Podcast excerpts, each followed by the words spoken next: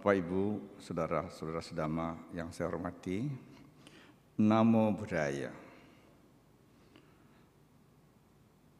Selamat pagi, semoga kita semua dalam keadaan yang sehat pada masa pandemi sekarang ini. Kesehatan merupakan satu hal yang sangat penting dan di dalam agama Buddha kita mengenal ada ungkapan arogya parama laba. Arogya berarti tidak sakit atau sehat.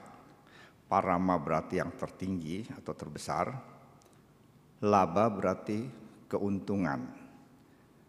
Jadi arogya parama laba berarti kesehatan adalah keuntungan yang tertinggi atau keuntungan yang terbesar. Kalau kita ingin mengucapkan semoga Anda berbahagia, maka kita bisa pakai istilah arogo hotu. Kalau banyak, semoga Anda semua berbahagia, arogo hontu. Bapak Ibu, saudara-saudara yang saya hormati, baiklah kita mulai pembicaraan kita hari ini dengan sebuah cerita yang terjadi pada saat Sang Buddha pada waktu itu akan kembali ke Kapilawatu.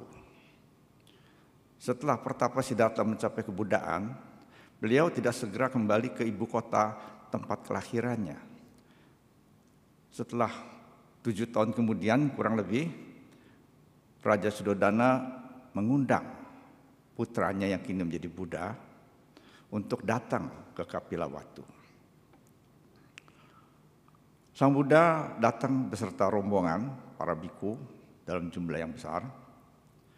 Lalu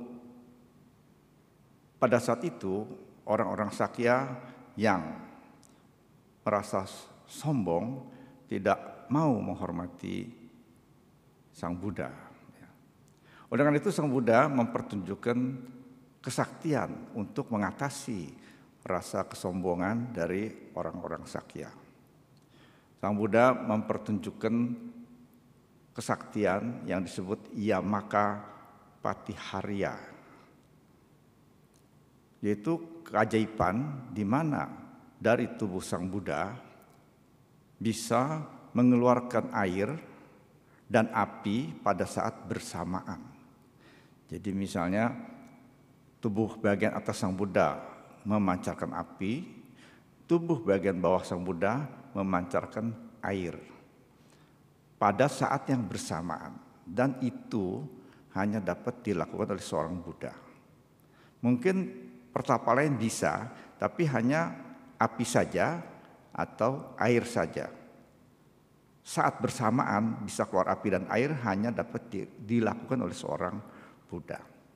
Dan Sang Buddha juga mempertunjukkan keajaiban yang lain sehingga para orang Sakya yang tadinya sombong merasa kagum dan akhirnya menerima bahwa memang putra Sakya itu Pangeran Siddhartha benar-benar telah menjadi seorang Buddha. Nah keesokan harinya tidak ada undangan makan kepada Sang Buddha. Sehingga untuk mendapatkan makanan, Sang Buddha dengan para siswanya harus melakukan pindah patah di kota Kapilawatu. Nah hal ini didengar oleh Raja Sudodana. Raja Sudodana merasa malu dan marah ya, bahwa putranya, seorang putra raja, berkeliling untuk meminta makanan. Nah, beliau datang kepada Sang Buddha dan berkata, "Mengapa anakku melakukan perbuatan yang sangat memalukan ini? Mengapa tidak datang saja ke istana untuk mengambil makanan? Apakah pantas seorang putra raja minta-minta makanan di kota, tempat dulu ia sering mondar-mandir dengan menggunakan kereta emas?" Mengapa anakku membuat malu ayah seperti itu? Sang Buddha kemudian menjawab, Aku tidak membuat ayah malu, oh baginda. Hal ini memang sudah menjadi kebiasaan kami. Raja Sudodana mendengar itu lalu bertanya, "Apa kebiasaan kita? Bagaimana mungkin tidak pernah seorang anggota keluarga kita minta-minta makanan seperti ini?" Dan anakku, engkau mengatakan bahwa ini sudah menjadi kebiasaan kita. Sang Buddha menjawab, "Oh Baginda, Memang ini bukan kebiasaan anggota keluarga kerajaan, tetapi ini adalah kebiasaan para Buddha. Semua Buddha di zaman dahulu hidup dengan jalan mengumpulkan makanan dari para penduduk. Nah oleh karena itu Raja Sudodana kemudian mengundang Sang Buddha untuk makan ke istana. Bapak Ibu Saudara saudara yang saya hormati, itulah cara hidup para biku. Ya. Jadi Sang Buddha adalah seorang pertapa. Zaman itu gerakan keagamaan di India terbagi atas dua bagian besar. Yang pertama adalah kelompok Brahmana. Para Brahmana ini adalah para rohaniwan yang pandai membaca kitab suci dan memimpin upacara keagamaan hidup bermasyarakat. Yang lain adalah para samana. Samana itu adalah para pertapa yang meninggalkan hidup keduniawian. Banyak cara untuk menjadi seorang samana. Sebagian melakukan penyiksaan diri yang sangat berat karena mereka menganggap untuk mencapai kebahagiaan, untuk mendapat kebebasan dari jiwa ini, maka harus menghindarkan kenikmatan indria sedapat mungkin. Dan tubuh ini, badan jasmani ini adalah merupakan halangan untuk mencapai kebahagiaan jiwa. Oleh karena itu mereka menyiksa diri. Sebagian melepaskan kenikmatan duniawi sebesar-besarnya. Mereka tidak berpakaian sebagian sehingga disebut sebagai pertapa telanjang. Sebagian hidup seperti hewan. Sebagian hidup dengan rambut yang kusut ya. Jadi disebut pertapa berambut kusut. Tetapi ada cara yang moderat yaitu sebagai biku yaitu pertapa atau samana yang penghidupannya atas dasar pemberian sedekah dari orang lain ya, dan tidak menyiksa diri seperti itu. Itu cara hidup sebagai biku. Ya. Jadi dia kata bika ya. Jadi makanan atau menerima makanan dari pemberian orang. Dalam bahasa Inggris disebut beggar ya. Jadi pengemis, tetapi sebenarnya bukan pengemis karena lebih tepat disebut sebagai alms receiver ya. Penerima sedekah jadi biku itu berarti penerima sedekah, yaitu suatu jalan penghidupan yang dipilih oleh Sang Buddha sebagai samana, sebagai pertapa. Dan Sang Buddha tidak mengikuti cara-cara yang ekstrim, penyiksaan diri yang berlebihan. Bapak Ibu Saudara yang saya hormati. Ya. Sang Buddha sebagai biku yang telah mencapai kesucian ya, mempunyai banyak gelar atau istilah yang diperuntukkan oleh kepada beliau ya. Yaitu ada istilah kepada beliau adalah dewati dewa. Dewati dewa itu berarti dewa yang melebihi dewa-dewa lainnya atau dewa yang tertinggi ya. Dewa yang lebih tinggi daripada Brahma ya. Dewati dewa ya. kemudian sang Buddha juga disebut Muninda. Muninda itu berarti pertapa agung ya Muni berarti pertapa ya. Maka sang Buddha kadang-kadang disebut juga Sakya Muni. Pertapa Sakya Lalu Sang Buddha karena telah menemukan jalan untuk mengobati penderitaan manusia disebut juga bisaka yang berarti dokter yang mengobati penyakit keduniawian ini. Kemudian Sang Buddha juga disebut Bagawa. Bagawa, the exalted one. Yaitu yang mulia, ya. Karena beliau telah di, memiliki enam jenis kemuliaan yang salah satunya adalah Yamaka Patiharya tadi. Ya. Jadi Sang Buddha disebut Bagawa yang mulia karena memiliki enam jenis kemuliaan. Salah satunya adalah Yamaka Patiharya yaitu kesaktian untuk memancarkan api dan air dari tubuh beliau pada saat yang bersamaan.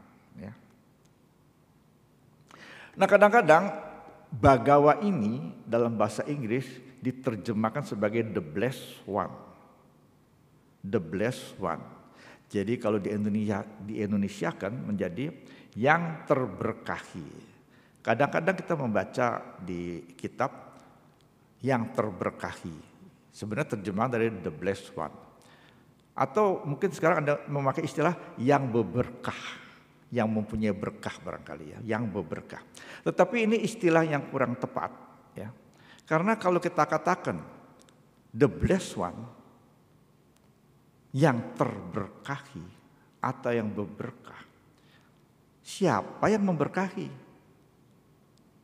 Apakah ada makhluk lain yang memberkahi Sang Buddha sehingga beliau disebut terberkahi?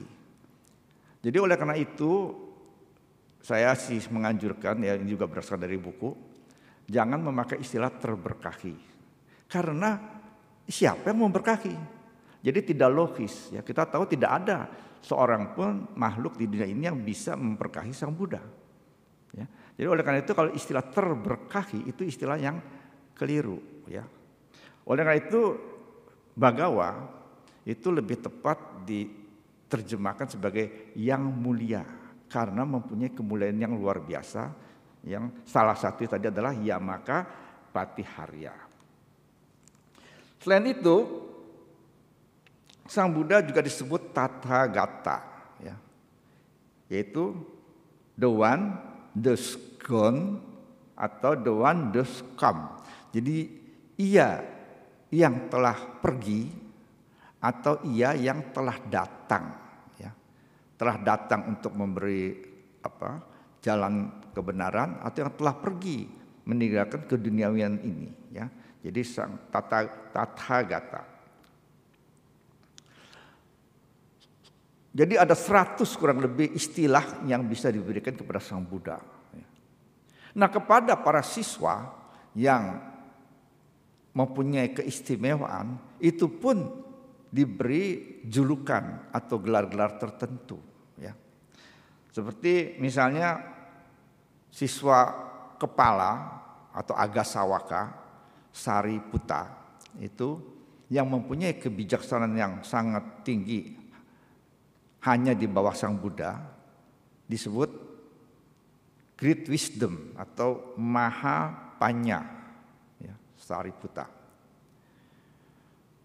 Mogalana yang mempunyai kesaktian juga sangat tinggi ya, disebut idi mantu ya, idi mantu. Jadi mempunyai idi yang luar biasa.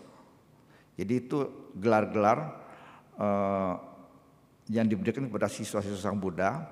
Kalau dalam bahasa Indonesia kadang-kadang disebut terkemuka dalam kebijaksanaan, ya, terkemuka dalam kesaktian. Nah ada satu juga yang menarik yaitu Rahula. Rahula pun mendapat satu sebutan penghormatan yaitu Sikha Kama.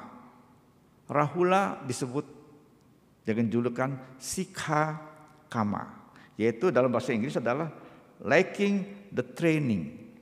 Artinya siswa yang sangat ingin latihan atau belajar. Jadi kita tahu Rahula itu adalah putra dari Sang Buddha. Ya. Pada waktu Sang Buddha kembali ke Kapilawatu tadi, Sang Rahula itu kira-kira berumur tujuh tahun. Dan kemudian meminta warisan dan diberikan warisan dama yaitu menjadi samanera. Ya. Jadi Sang Buddha meminta Rahula ditasbihkan sebagai samanera dan karena itu kan harus tinggalnya di wihara. Sebagai anak kecil yang masih umur 7-8 tahun tentu dari kehidupan di istana menjadi samanera ya satu penghidupan yang cukup berat ya karena perbedaannya sangat besar.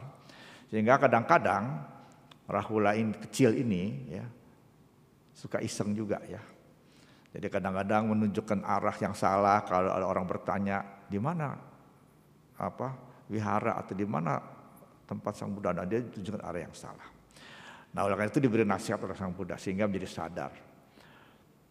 Dan pada usia 20 menjadi biku ya. Lalu kemudian menjadi arahat. Dan pada saat belajar beliau sangat entusias, ya, sangat semangat untuk belajar, untuk latihan. Maka disebutnya sikha kama.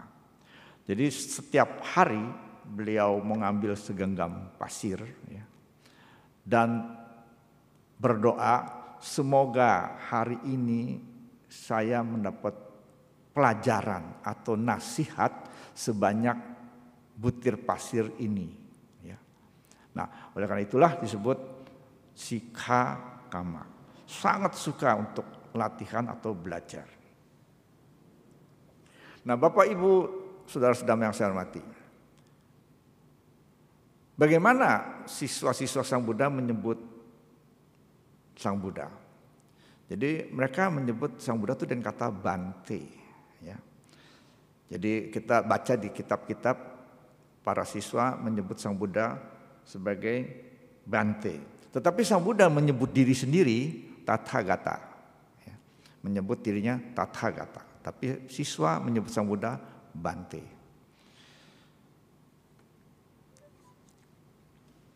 Kemudian umat juga menyebut Sang Buddha dan para biku dengan kata Bante. Bante ini sebenarnya kependekan dari Badanta. Badanta itu adalah venerable, ya, venerable.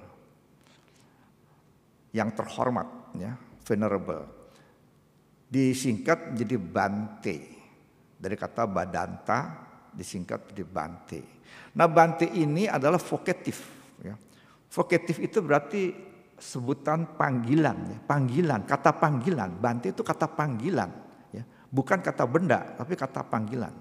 Jadi kalau ada seorang biku dan kita akan menyapa biku itu, maka kita memanggil beliau dengan kata Bante itu ada kata panggilan. Ya. Bukan kata benda.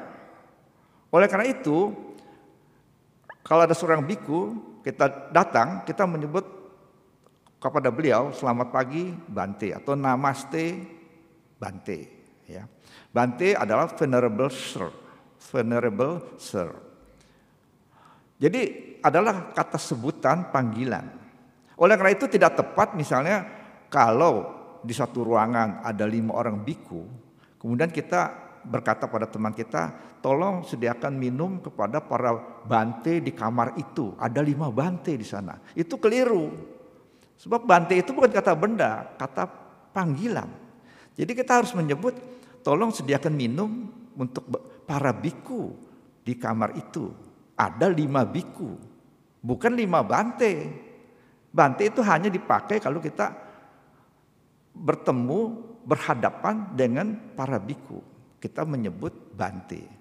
Mungkin kalau dalam bahasa Indonesia yang setara itu misalnya tuan atau bahasa Inggris misalnya sir ya. Itu panggilan ya. Nah inilah kadang-kadang kita saking hormatnya itu kalau bilang ada lima biku nggak sopan kayaknya ya, ada lima bante. Ya, sebenarnya itu hal yang tidak begitu tepat. Nah, para biku menyebut sang Buddha itu dengan Bante, tetapi kalau mereka para biku menyebut biku yang lebih senior itu bisa dengan Bante atau dengan kata ayasma. Jadi kita kadang-kadang membaca di kitab itu ada ayasma sariputa misalnya. Gitu ya. Ayasma itu adalah sebutan penghormatan kepada para biku yang lebih senior dan berasal dari kata ayah, ayu. Ya, ayu. Ayu itu berarti usia. Jadi berarti ayasma itu seseorang yang elder, seorang yang senior, ya ayasma. Kalau bikuni ayah. Ya. Bikuni itu ayah. Sekarang juga kita pakai kata ayah biasanya untuk samaneri atau atau silani misalnya atau sila carini atau upasika yang 8 atau 10 sila. Jadi sebutnya ayah. Dan kepada biku yang lebih muda tidak dipanggil bante, biku yang lebih tua akan memanggil biku yang lebih muda dengan kata awuso. Ya, awuso berarti teman. Tapi biku yang lebih muda tidak boleh memanggil awuso kepada biku yang lebih tua, harus memanggil bante atau ayasma. Nah, kalau di Thailand para biku itu disebut pra, dipanggil pra. Ya, pra itu berarti yang dalam bahasa aslinya itu dari kata wara. Wara itu excellent. Jadi itu sebutan penghormatan kepada sesuatu yang dihormati jadi para biku karena dihormati sebutnya pra ya. Pra. Tetapi kita mengenal juga istilah acan ya. Acan. Acan itu berasal kata acarya. Acarya itu berarti guru. Sehingga dalam banyak kesempatan acan itu dipakai untuk para biku yang sudah senior, umumnya sih yang sudah 10 tahun ya menjadi biku. Jadi acarya, acan ya. Tapi acan ini sebetulnya arti katanya guru. Ya. Sehingga di Thailand itu kata acan tidak hanya untuk para biku. Para profesor atau guru-guru senior itu juga disebutnya acan. Ya. Jadi itu kata umum untuk guru. Dan di kalangan para biku, acan itu biasanya dipakai untuk para biku hutan. Ya. Para biku yang tradisi hutan, yang tinggal di hutan, meditasi dan sebagainya. Sedangkan para biku yang di kota itu sebutnya luangpor. Luangpor. Luangpor itu berarti venerable father. Ya, venerable father. Luangpor. Nah, biasanya kalau acan ini ditambah kata pra, jadi pra acan atau tan acan. Jadi tidak hanya acan saja, karena acan saja berarti guru. Tidak berarti dia mesti biku. Jadi kalau dia biku biasa disebutnya pra acan apa gitu ya atau tan acan apa. Kalau di Birma kita mengenal kata sayadau ya, sayadau. Sayadau ini sebetulnya dulu adalah istilah kepada para biku yang mengajar raja atau keluarga kerajaan, sayadau. Tetapi sekarang dipakai untuk para biku senior atau kepala-kepala wihara ya. Itu jadi sayadau. Kalau lebih hormat lagi sayadaugi ya. Tetapi kalau untuk biku secara ke seluruh umum atau keseluruhan, mereka umat awam menyebut para biku dengan kata asin. Ya. Asin. Jadi asin itu berarti sebutan untuk para biku. Ya. Dulu kita juga menyebut biku asin. Jadi agak, saya juga agak bingung ini. Asin kan untuk biku. Nah ini biku asin. Jadi double juga ya. Biku asin. Asin itu sebutan untuk biku ya. Nah, nah kemudian kita kenal juga kata sayalai, sayalei. Ya. Sayalei itu berarti little teacher, ya. little teacher. Sayalei itu guru kecil. Ya, kalau saya kan guru, ya, guru yang sudah senior. Kalau guru kecil sayalei. Kadang-kadang dipakai untuk para uh, silacari ini atau atas silani, ya, para upasika atas sila atau dasa sila. Nah, Bapak Ibu Saudara yang saya hormati, ya.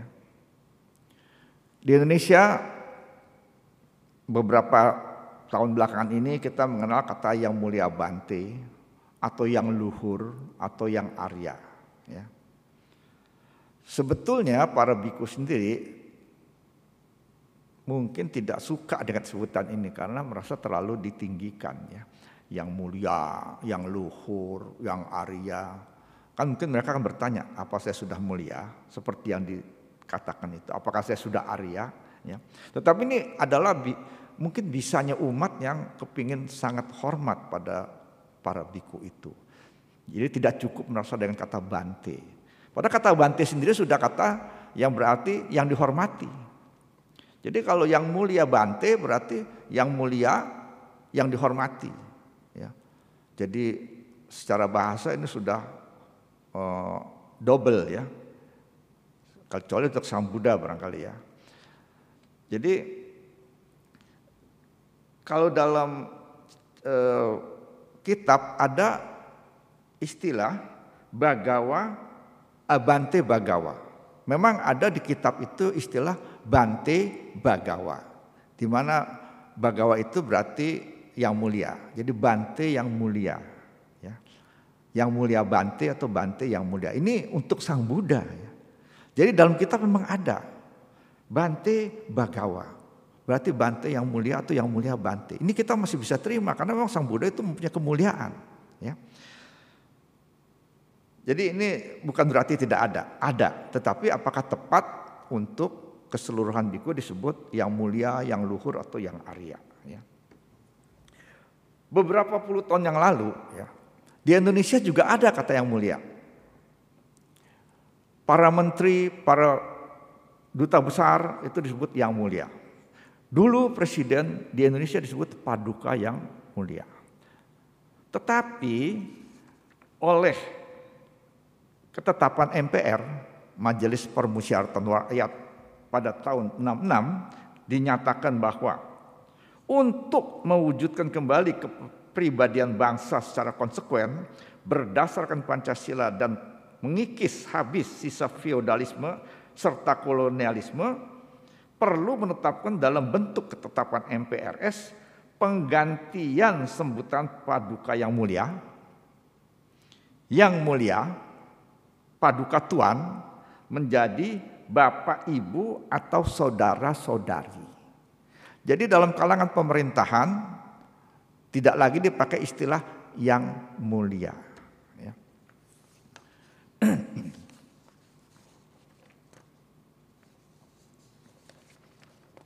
Nah, kemudian juga diketahui ada permintaan dari para hakim, ya, perkumpulan para hakim agar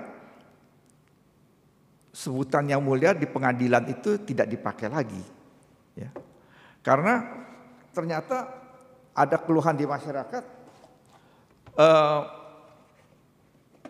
bahwa sebutan yang mulia itu kadang-kadang tidak mencerminkan kemuliaan si hakim. Ya.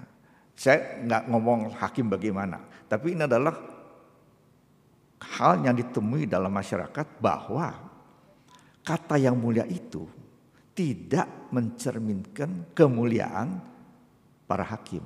Sehingga para hakim sendiri yang merasa sebutan yang mulia ini tidak tepat untuk dipakai oleh masyarakat kepada hakim. Ya tidak mencerminkan kenyataan bahwa perbuatan mereka tidak sesuai ya dengan kata yang mulia ya. Perilakunya tidak mencerminkan sikap yang mulia. Nah, Bapak Ibu Saudara yang saya hormati, jadi demikianlah ya. Untuk Sang Buddha itu sebutan banyak sekali dan memang untuk Sang Buddha sebagai satu manusia yang luar biasa kita menghormati dan memberikan gelar sebutan julukan yang sangat tinggi ya. Tetapi ya adalah kurang tepat apabila sebutan yang mulia kita sematkan kita pakai dalam kehidupan sehari-hari kepada Eh, para biku ya yang uh, belum tentu sudah mencapai tingkatan yang mencapai kesucian. Nah, Bapak Ibu Saudara-saudara, ya. Jadi secara bahasa kata yang mulia Bante itu hiperbola. Hiperbola artinya berlebihan ya. E, sudah yang terhormat, yang mulia ya. Di sisi spiritual ya, kata yang mulia itu dalam bahasa Indonesia agama Buddha di Indonesia ini kata yang mulia itu mulia itu berarti satu yang sangat luhur atau sangat tinggi karena kita menerjemahkan Catari Arya Sacani ya, empat kebenaran mulia. Jadi mulia di sini sebagai terjemahan dari kata Arya yang beraspek kesucian. Ya. Catari Arya Sacani. Ya. Lalu Arya Atangika Maga. Jalan mulia berunsur delapan. Di mana kata mulia juga terjemahan dari kata Arya yang beraspek kesucian. Oleh karena itu, marilah kita sebagai umat Buddha yang sudah memahami kata ini, kita harus berhati-hati untuk memakai kata yang mulia ini. Sebaiknya kata yang mulia ini kita sematkan atau kita berikan, kita sampaikan kepada Sang Buddha. Ya. Bante Bagawa itu adalah satu penghormatan yang sangat tepat untuk Sang Buddha. Tetapi kalau di luar itu, maka saya menganjurkan kalau kita menyebut para biku itu dengan kata Bante. Ya. Bante itu sudah penghormatan ya. Bante itu sudah venerable sir. Jadi kita tidak jadi kurang hormat kalau kita hanya menyebut Bante. Ya. Tidak perlu kita tambahkan yang mulia Bante, yang luhur Bante, atau yang Arya Bante. Itu jadi hiperbola dalam sisi kebahasaan. Ya. Nah demikianlah Bapak Ibu Saudara yang saya hormati, mudah-mudahan dengan uraian-uraian ini kita dapat memahami tentang sebutan-sebutan yang tepat yang dapat kita sampaikan kepada uh, para biku. Jadi kita tetap harus menghormati para biku dan itu cukup dengan sebutan bante. Itu sudah sebutan yang dipakai kepada Sang Buddha. Jadi kalau Sang Buddha saja disebut bante, ya tentu untuk para biku juga sudah pantas sekali kalau kita memanggil dengan kata bante. Ya. Demikianlah mudah-mudahan apa yang disampaikan pada saat ini atau pagi ini dapat bermanfaat bagi kita semua. Semoga kita semua berbahagia. Semoga Bapak, Ibu, Saudara sedama, sehat dan semoga pada akhirnya kita dapat terbebas dari penderitaan. Suki Hontu.